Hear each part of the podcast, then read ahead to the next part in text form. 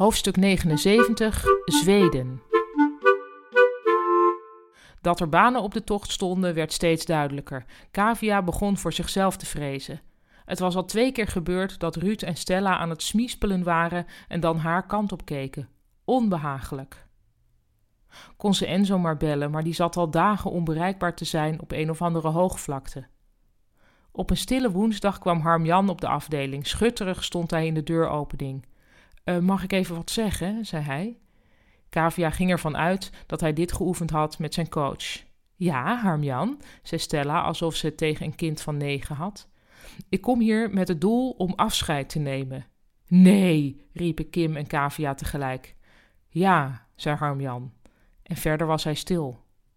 Wat ga je dan doen? zei Roy, die er ook bij was komen staan.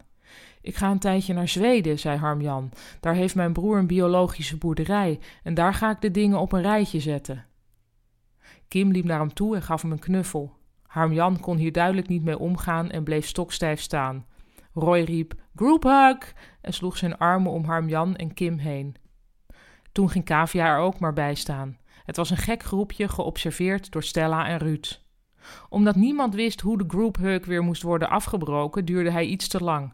Daarna stonden ze verlegen bij elkaar. Veel geluk, Harmjan, zei Kavia. Mail je nog eens? Als daar wifi is, zei Harmjan. Tuurlijk is daar wifi, zei Roy. Het was weer stil. Nou, dan ga ik maar. Dag, riep iedereen, alsof ze Sinterklaas uitzwaaiden.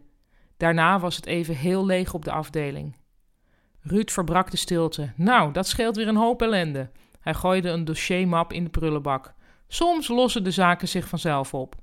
Ja, dit maakt de ontslagronde ook een stuk minder gecompliceerd, voegde Stella er opgeruimd aan toe. Misschien zijn we er zo zelfs al.